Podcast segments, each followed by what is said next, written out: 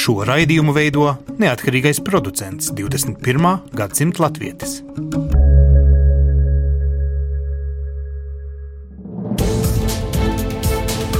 Septiņas dienas Eiropā piedāvā Eiropas radiotīkls Eironet.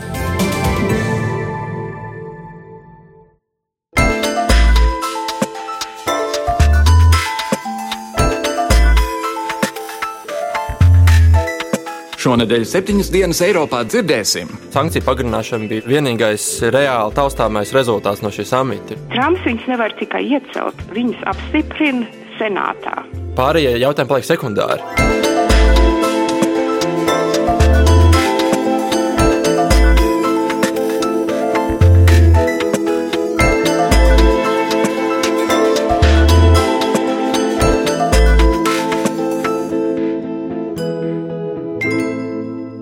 Labdien, godējamie klausītāji! Latvijas radio studijā Kārlis Streips esiet sveicināti jaunākajā septiņas dienas Eiropā.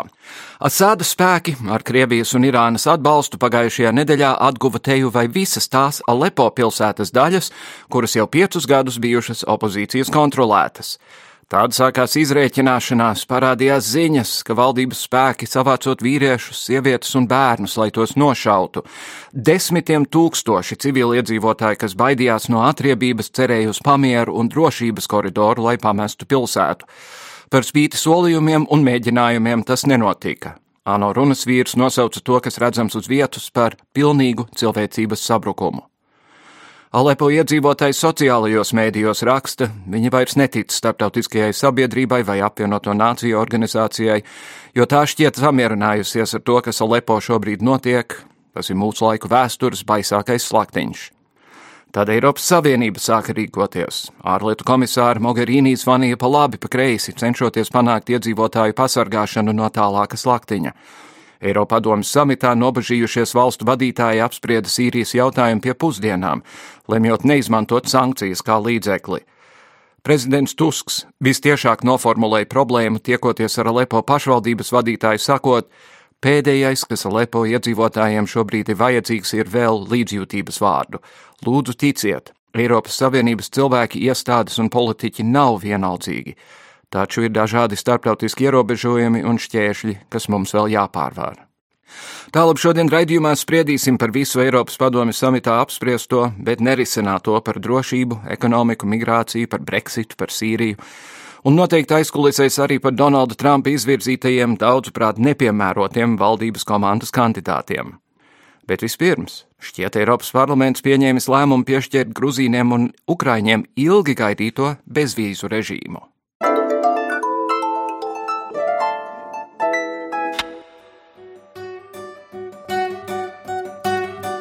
Nu jau vairākus gadus risinās sarunas par bezvīzu režīmu ar Grūziju un Ukrainu. Formāli abas valstis jau kādu laiku ir izpildījušas prasības bezvīzu režīmu ieviešanai, taču pagaidām tas vēl nav stājies spēkā. Gatavojoties bezvīzu režīmam ar Grūziju, jau 2013. gadā Eiropas Savienībā tika izveidots vīzu atcelšanas mehānisms. Pagājušajā nedēļā mehānismam Eiropas parlamentā tika apstiprināti jauni noteikumi, kas ļaus Eiropas komisijai un bloka dalību valstīm daudz ātrāk un vieglāk atjaunot vīzu režīmu gadījumos, gadījumos, kad dalību valstis saskarsies ar terorismu vai plašu migrāciju.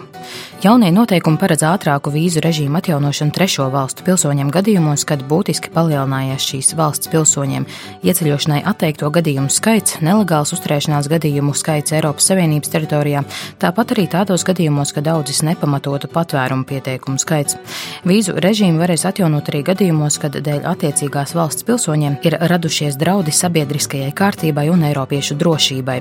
Turpina Eirokomisārs migrācijas lietās Dimitris Avramopoulos. Tas dod iespēju Eiropas Savienībai ātri reaģēt situācijās ar spēcīgu migrācijas pieplūdumu un augsta drošības riska situācijās, atceļot bezvīzu režīmu konkrētu valstu piedarīgajiem. Jauno noteikumu gala variants dod fleksiblu pieeju un proporcionālu atbildes reakciju konkrētiem gadījumiem.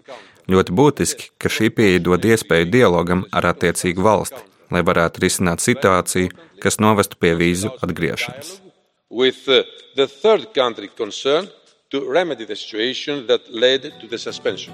Mehānismu varēs iedarbināt gan Eiropas komisija, gan arī dalību valstis, taču, lai to darītu, būs jāsniedz dati, kas pierāda situācijas atbilstību noteikumiem. Paredzēts, ka drīz varētu sakustēties ledus bezvīzu režīmu ieviešanā ar Grūziju un Ukrainu. Topošais ASV prezidents Donalds Trumps ar sev vien saprotamu loģiku turpina sastādīt jaunās valdības komandu. Ir jau nosauktas tās personas, kuras Trumps vēlas redzēt ārlietu, aizsardzības un drošības padomnieka amatos. Šie posteņi ir nenoliedzami Eiropai un Latvijai visbūtiskākie. Diemžēl daudzos šie kandidāti izraisa vairāk jautājumu nekā atbildes. Par to, kas ir šie kandidāti un par cik Maskava var sajūsmināties varas maiņai tuvojoties, manas kolēģis Ievas Valēnas sižetā.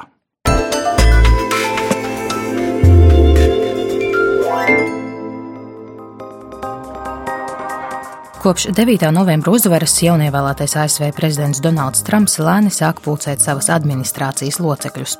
Tās sastāvs ir līdz šim bagātākais mūsdienu ASV vēsturē. Tā vērtība šobrīd tiek lēsta pa 25 miljardiem, kas ir aptuveni desmit reizes lielāka nekā līdz šim bagātākajai būša jaunākā administrācijai. Miljonāri, miljardieri un ģenerāļi ir cilvēki, kurus līdz šim izraudzījies Trumps. Daudzi no viņiem noliedz evolūciju un klimata pārmaiņas, draudzējas ar Putinu, ir pret vienu viendzimuma laulībām un labprāt redzētu stingrākus abortu ierobežojumus. Vairumam nominēto personu nav nekādas pieredzes valdības darbā, bet viņi var lepoties ar bagātu pieredzi politiķu kampaņu sponsorēšanā. Daži no viņiem Trumpam pievienojās jau priekšvēlēšana kampaņas laikā, piemēram, Jeffs Sessions, kurš bija arī pirmais senators, kurš atbalstīja Trumpu. Citi nosauktie administrācijas locekļi iepriekš krituši Trumpa Twitter dzēlību nežēlastībā, kā bijušais prezidenta amata kandidāts Bens Kārsons.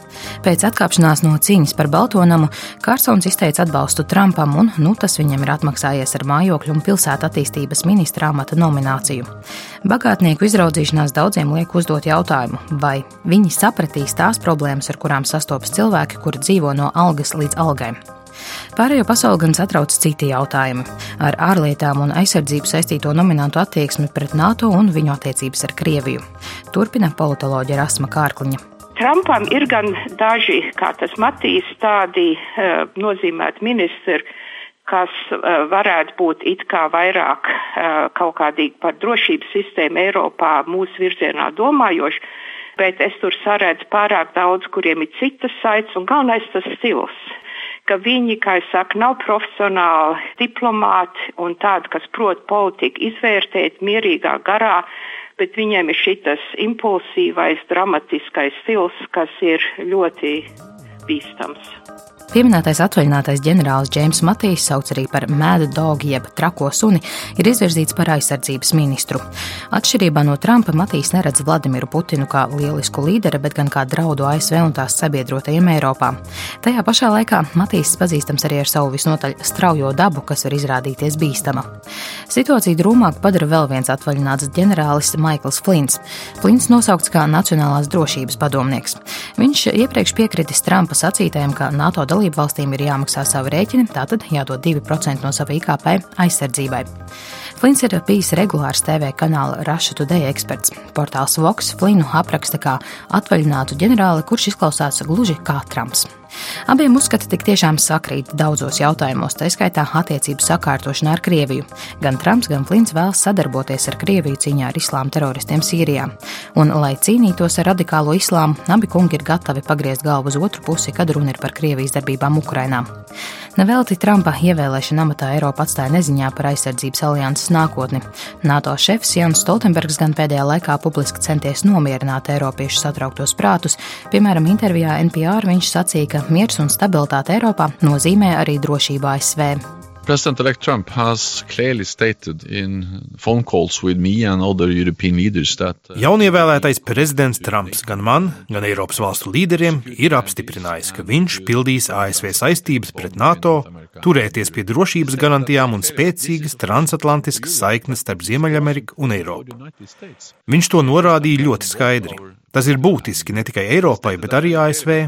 Atcerēsimies, ka pirmo reizi 5. pantu iedarbināja pēc 11. septembra uzbrukumiem, un simtiem tūkstoši eiropiešu karavīru ir piedalījušies misijās Afganistānā, kas bija tieša atbilde uz uzbrukumiem ASV.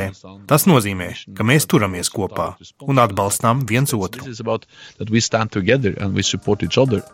Būtisks ir arī jautājums par biznesa interesēm. Tas sevišķi attiec uz potenciālo ārlietu ministru Reksu Tillersonu Exxonu. Viņš ir naftas un gāzes uzņēmuma ExxonMobil izpildirektors bez jebkādas pieredzes valdības darbā. Savas karjeras laikā ilgstoši strādājis Krievijā un izveidojis labas attiecības ar prezidentu Vladimiru Putinu. Viņš arī iebilda sankcijām pret Krieviju pēc Krimas aneksijas, kas daudziem rada jautājums par to, kāda varētu būt ārpolitikas stratēģija attiecībām ar Krieviju. Forbes gan raksta, ka nevajadzētu domāt, ka Tillersons varētu būt maigs pret Putinu, jo jau iepriekš parādījis mugurkaulu, kad Kremlis 2007. gadā vēlējās atgriezt valsts valsts kontroli pār naftas biznesu. Taču Trumpa administrācija rada jautājums ne tikai par militāro drošību un biznesa interesēm, bet arī par mūsu planētas nākotnes scenārijiem. Pirmkārt, liela daļa no administrācijas locekļiem ir saistīta ar naftas biznesu un labprāt redzētu valstī attīstāmies nevis zaļo, bet gan fosilo enerģiju. Otrakārt, par vidas aizsardzības aģentūras administratoru izvirzīts Skots Prūts, viens no skaļākajiem klimata pārmaiņu noliedzējiem ASV. Šādam solim gan nebūtu jāaizbrīna, jo pats Trumps klimata pārmaiņas ir saucis par muļķībām un krāpšanos. Nevelti pagājušā nedēļā medijos parādījās ziņa, ka zinātnieki pārkopē datus, kas saistīti ar klimata pārmaiņu izpētu uz neatkarīgiem serveriem, lai tie zem Trumpa administrācijas pēkšņi nepazustu. Tiesa ar Trumpa nominācijām vien nepietiek, lai iepriekš minētie cilvēki ieņemtu amatus, turpina politoloģija Rasma Kārkliņa. Lielā cerība ir to, ka Amerika tomēr ir ļoti spēcīga demokrātija, kas nozīmē, ka nevalda individuāli cilvēki, pat prezidents ne, bet ir arī institūcijas, kas lietas eh, virza un pārskata. Tur ir visas ministrijas pašas, visādas iestādes, zinām, tieslietu sistēmu un tam līdzīgi. Un kas tagad būs ļoti interesanti, arī es visu laiku lietoju vārdu nozīmētie ministri. Trumps viņus nevar tikai iecelt, viņus apstiprina senātā. Un senātā, kā mēs zinām, ir jau ļoti daudz cilvēku, ieskaitot republikāņu, kā senators Makēns, kas ir kritiski par šiem cilvēkiem. Tā kā tas apstiprināšanas process varētu ielgt mēnešiem, un tad varbūt pat daži labi neapstiprinās. Tā kā no vienas puses ļoti negatīvi, ka būs tāda nedrošības situācija, no otras puses vēl par šiem jautājumiem, kas katram ir tā aizmugura pieredze, vai viņš tiešām var aizstāvēt Amerikas intereses, nevis savu miljardieru ekonomiskās intereses. Par to visu vēl ļoti daudz runās, un pat es vēl gribu pieminēt to interešu konfliktu jautājumu. Vairumam šiem miljardieriem, kā pašam Trumpam, ir ārkārtīgi daudz savus uzņēmēju ekonomiskās intereses ārzemēs.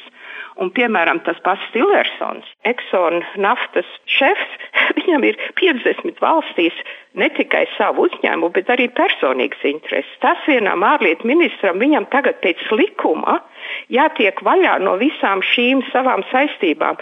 Jautājums, vai viņš to var izdarīt un grib izdarīt. To, kāda tad izskatīsies Trumpa Amerika, uzzināsim jau nākamā gada sākumā. Tiesa, vispirms Trumpam šodien ir jātiek oficiāli ievēlētam elektorātu kolēģijā. Jo vairāk problēmu Eiropas Savienībai sakrājas, migrācijas krīze, vārkā ekonomika, eiroskeptisko partiju panākumi, jo īsākas kļūst regulāras Eiropas Savienības līderu sanāksmes. Un tā par spīti samilzušām problēmām vairākās jomās, pirms šī samita namatēvs Donalds Tusks bija solījis premjerministriem visu paspēst izrunāt vienas dienas laikā.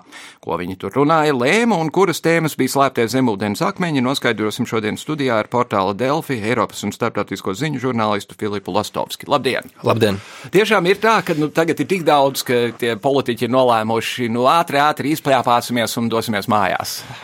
Daudz ir ļoti daudz, bet iespējams viens no faktoriem vēl ir tas, ka Galvenais jautājums ir Sīrija. Šobrīd nu, vis, visiem galvā tas ir numur viens temats, bet vienlaicīgi mēs esam tik bezspēcīgi šajā jautājumā, ka pārējie jautājumi paliek sekundāri. Un mēs viņiem run, izrunājam, izrunājam, bet patiesībā mums tāpat paliek laiks, kā Sīrijai, un tad mēs gribam ātrāk tikt projām, jo ir kauns no savas neizdarbības, ka mēs nevaram tur iesākt neko. Mm -hmm. Tā no malas rodās tāds iespējas.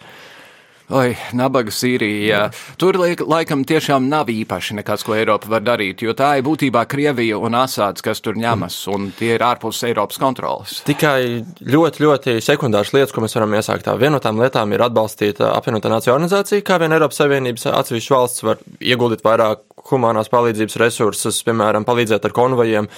Otra versija, kas ir sarežģītāka, bet iespējams strādāt ar Irānu. Ja ņemot vērā to, ka ar Irānu iesaistīti un aizvien pastāv dažādas, piemēram, savstarpējo sankciju nolīgumi starp Eiropas Savienību un Irānu, tad tas vēl ir tāds, kā, ar ko var tirgoties un mēģināt kaut kā ietekmēt procesu, bet tas tās sarežģītāks, bet primāri, jā, tas ir apvienotā nācija organizācija. Sagaidāms, ka šodien vai rītdien apvienotā nācija organizācijā vai būs lēmums par to, ka vajadzētu palielināt tieši atbalstu, kā labāk evakuēt šos cilvēkus ārā. Un tad tas jautājums ir tāds, vai pie šāda gadījuma Krievija ir gatava uzlikt veto. Jo, piemēram, no vienas puses, protams, viņi, viņi liek veto šādos gadījumos, kad ir iesaistīti viņa intereses un nepiekrīt rietumu valstīm, bet, bet vai var uzlikt veto tajā brīdī, kad mēģina atbalstīt simtiem tūkstošu cilvēku evakuāciju? Jā. Tas ir tāds, kā nav nejausmas, ko viņi darīs. Droši vien var, ņemot vērā to, ka tā ir, tā ir Krievija. Ja es pareizi saprotu, cita starpā, gluži, gluži cita starpā, Eiropa pagarināja sankcijas pret Krieviju. Jā, tas patiesībā varētu būt tāds vienīgais reāli taustāmais rezultāts no šī samita. Ir, ir vairāk tā kā par un ap, ko mēs varam iedrošināt, ko mēs nevaram vai varam izdarīt, bet tā sankcija pagarināšana bija viens no praktiskajiem, gandrīz vai vienīgais tāds konkrētais praktiskais solis vēl uz pusgadu līdz 2017. gada vidum. Tad Vācijas kanclere Merkele un Francijas prezidents Olands vēl pašreiz esošais, tad nu, arī paziņoja vienkārši Krievijas pārstāvjiem, ka ņemot vērā Minskas vienošanos aizvien nav izpildīt, viņi aizvien Minskas vienošanos ņem vērā, tad sankcijas pagarinās. Un daudz apskatnieku lēš arī, un no malas izskatās, ka iespējams turpmāk būs sarežģītāk, kā pagarināt šīs sankcijas pret uh, Krieviju vienkārši ASV vēlēšanu rezultātu dēļ. Mēs vēl nezinām, vai tiešām tā būs, jo šobrīd nu, ir tāds priekšnojauts, ka iespējams, ka līdz ar uh, Donalda Trumpa ievēlēšanu un līdz ar viņa valsts sekretāra izvēli, kurš pozitīvi raugās kā uz Krieviju kā sadarbības partneri, ASV varētu atcelt sankcijas, un tad arī Eiropā daudz valstu līderi varētu teikt, hei, ja amerikāņi tā kā rūpējas par savu ekonomiku, kāpēc jūs nerūpējaties par savu tautu labklājību, mīļā draugi? Mm -hmm.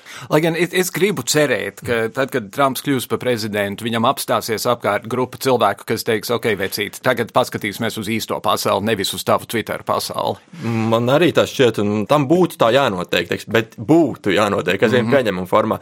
Viņa administrācija, kas nu, šobrīd jau tūlīt būs nokomplektēta, īstās lielākoties ir ļoti konservatīva republikāņu pārstāvi, daudz no viņiem ir atbalstītāji, kas finansiāli ļoti dāsni atbalstījuši Trumpa komandu nojaušams, ka viņi arī atbalstīs. Visticamāk, ja viņi pildīs savu solījumu par to, ka dabūjuši amats, ka viņi atbalstīs arī kaut kādu Trumpa virzī, -hmm. virzību uz, uz viņu idejām. Un, Grūti pateikt. Bagātākais kabinets vēsturē tā tiek jā, lēsts. Jā, jokoju, jokoju jau ASV mēdī par to, ka, ja jūs vēlaties iekļūt Trumpa administrācijā, jums jābūt vismaz pāris miljoniem bankas kontā. Ja nav, tad, nu, tad jūs neesat nekvalificēties.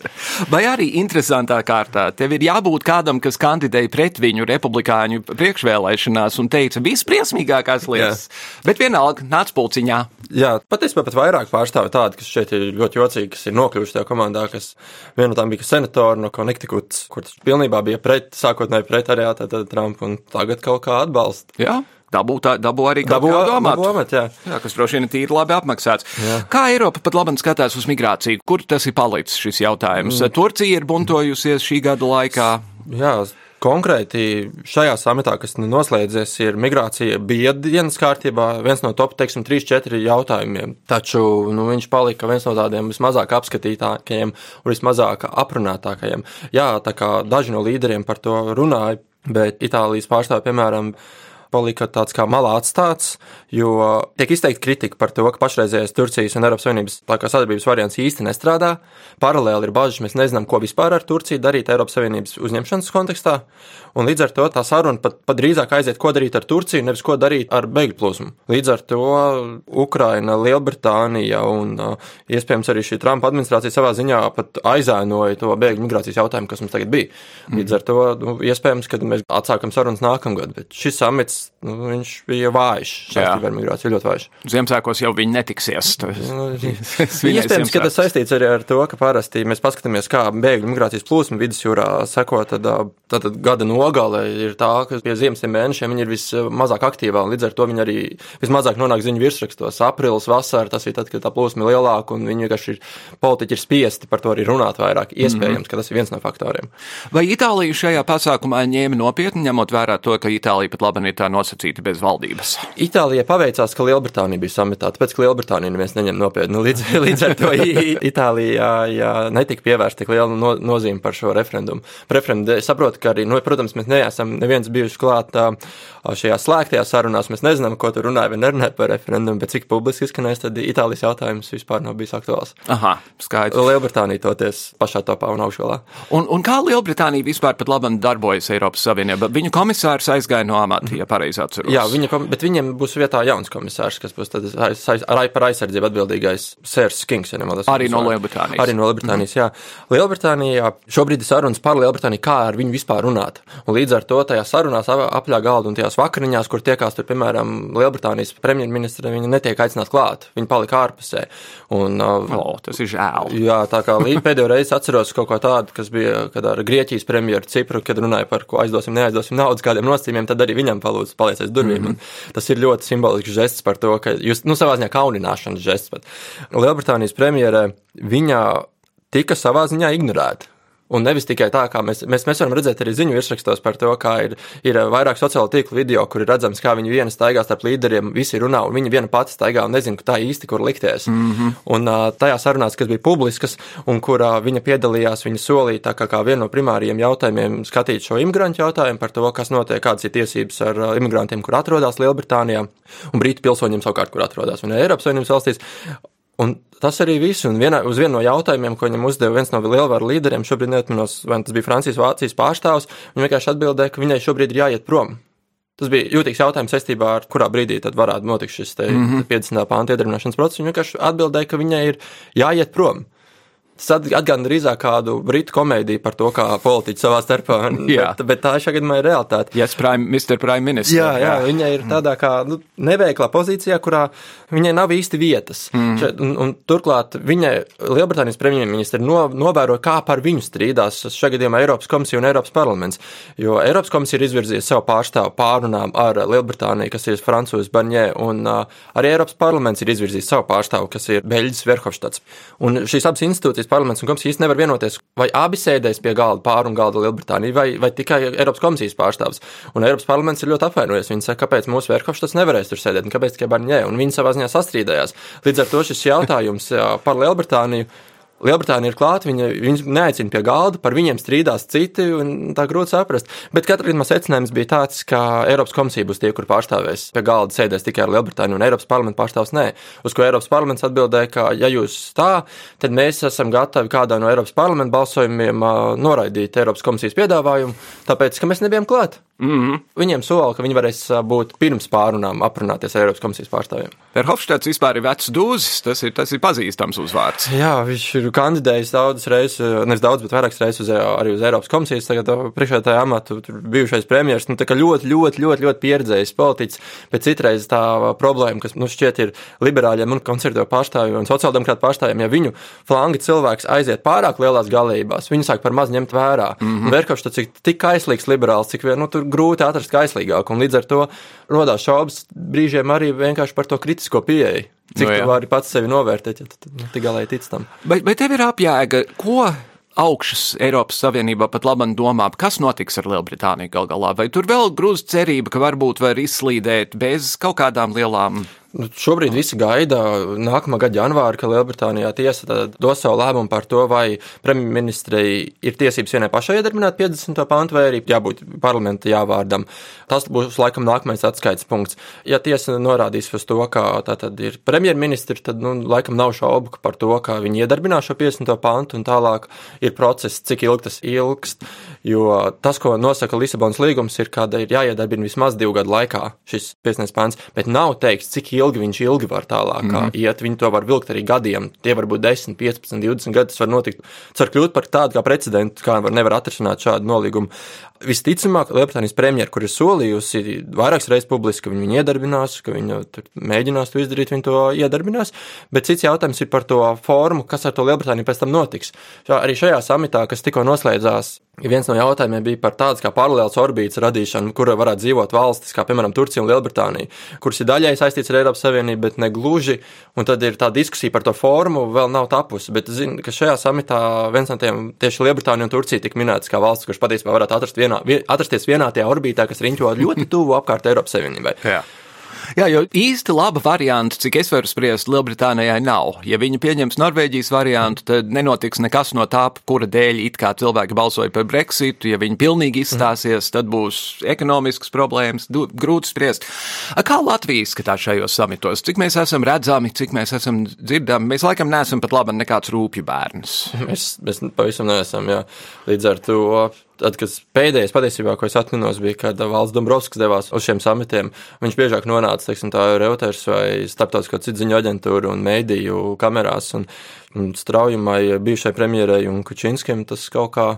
Vienīgais brīdis bija tajā brīdī, kad Latvijā migrācijas problēma kļuva tāda aktuāla, kad mums tā publiskā retorika par to, ka bēgļiem nē, bija sita augsta vilna. Tajā brīdī Kučinskim vairāk tika uzdot jautājumu, nu, kāpēc jūs tik ļoti esat pret. Izņemot to, Mēs vienkārši eksistējam, ja mēs tā rupi varam izteikties tur. Mm -hmm. Es ne, nemanu arī pēc šī samita, piemēram, kad ministrs kabinets un premjeras Kučinskis būtu, piemēram, sniedzis kādu plašu ieskatu, atskatu par to, kā tur gāja, kāda bija Latvijas pozīcija. Un, manuprāt, ja mēs gribam saviem pilsoņiem parādīt to, ka mēs arī nozīmējam, ka mums arī ir savs beto tiesības jautājumos, ka mēs varam tur runāt un uzstāties, man nav jausmas, ko Kučinskis tur darīja. Kučinskis ir iemācījies angļu valodu kopš kļuva par premjerministru. Kaut kā pēdējā laikā nav dzirdēts, ka runā. Tā arī ir taktika. Jā. Jo, jo viņam bija liela tikšanās ar, ar Terēzu Meiju, kurā viņi runāja par to, kā pasargāt Latvijas pilsoņus pēc Brexitu. Es tur bildē vismaz nevienu tulku neredzēju.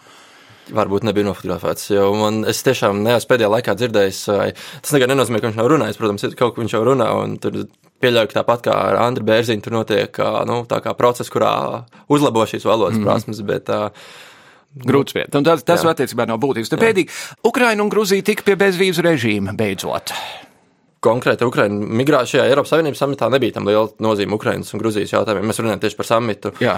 À, tas ir atsevišķi noticis. Jā, tas ir, tie ir atsevišķi oh, okay. procesi. Bet, bet tā ir jauka lieta. Ukrainā. Jā, tā ir jauka, bet Ukraina patiesībā bija pieminēta ļoti nozīmīgā faktorā samita laikā, jo tātad 27 Eiropas Savienības dalībvalstis ir ak akceptējušas asociācijas līgumus ar Ukrainu, kas nodrošina tuvāku sadarbību tirzniecībā, arī politikas lomās, tur tieslietu jomā sadarbību.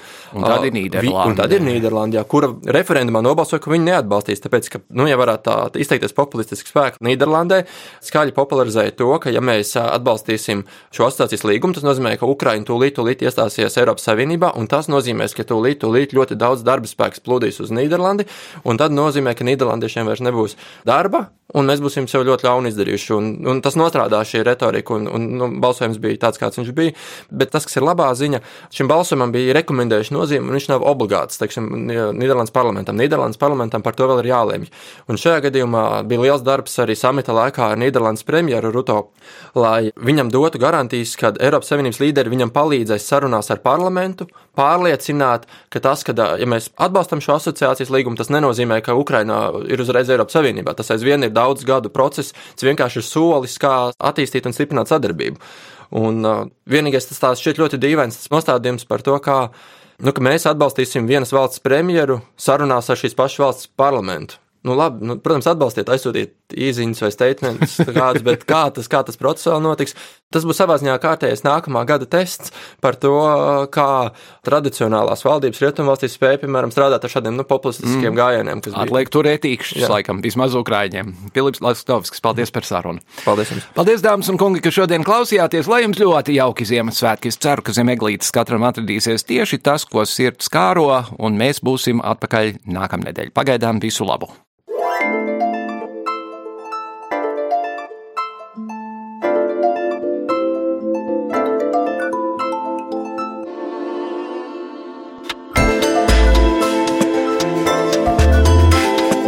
Raidījumu veido Kārlis Streips, Ieva Valēne un Jānis Krops. Raidījuma producents Lukas Rozītis.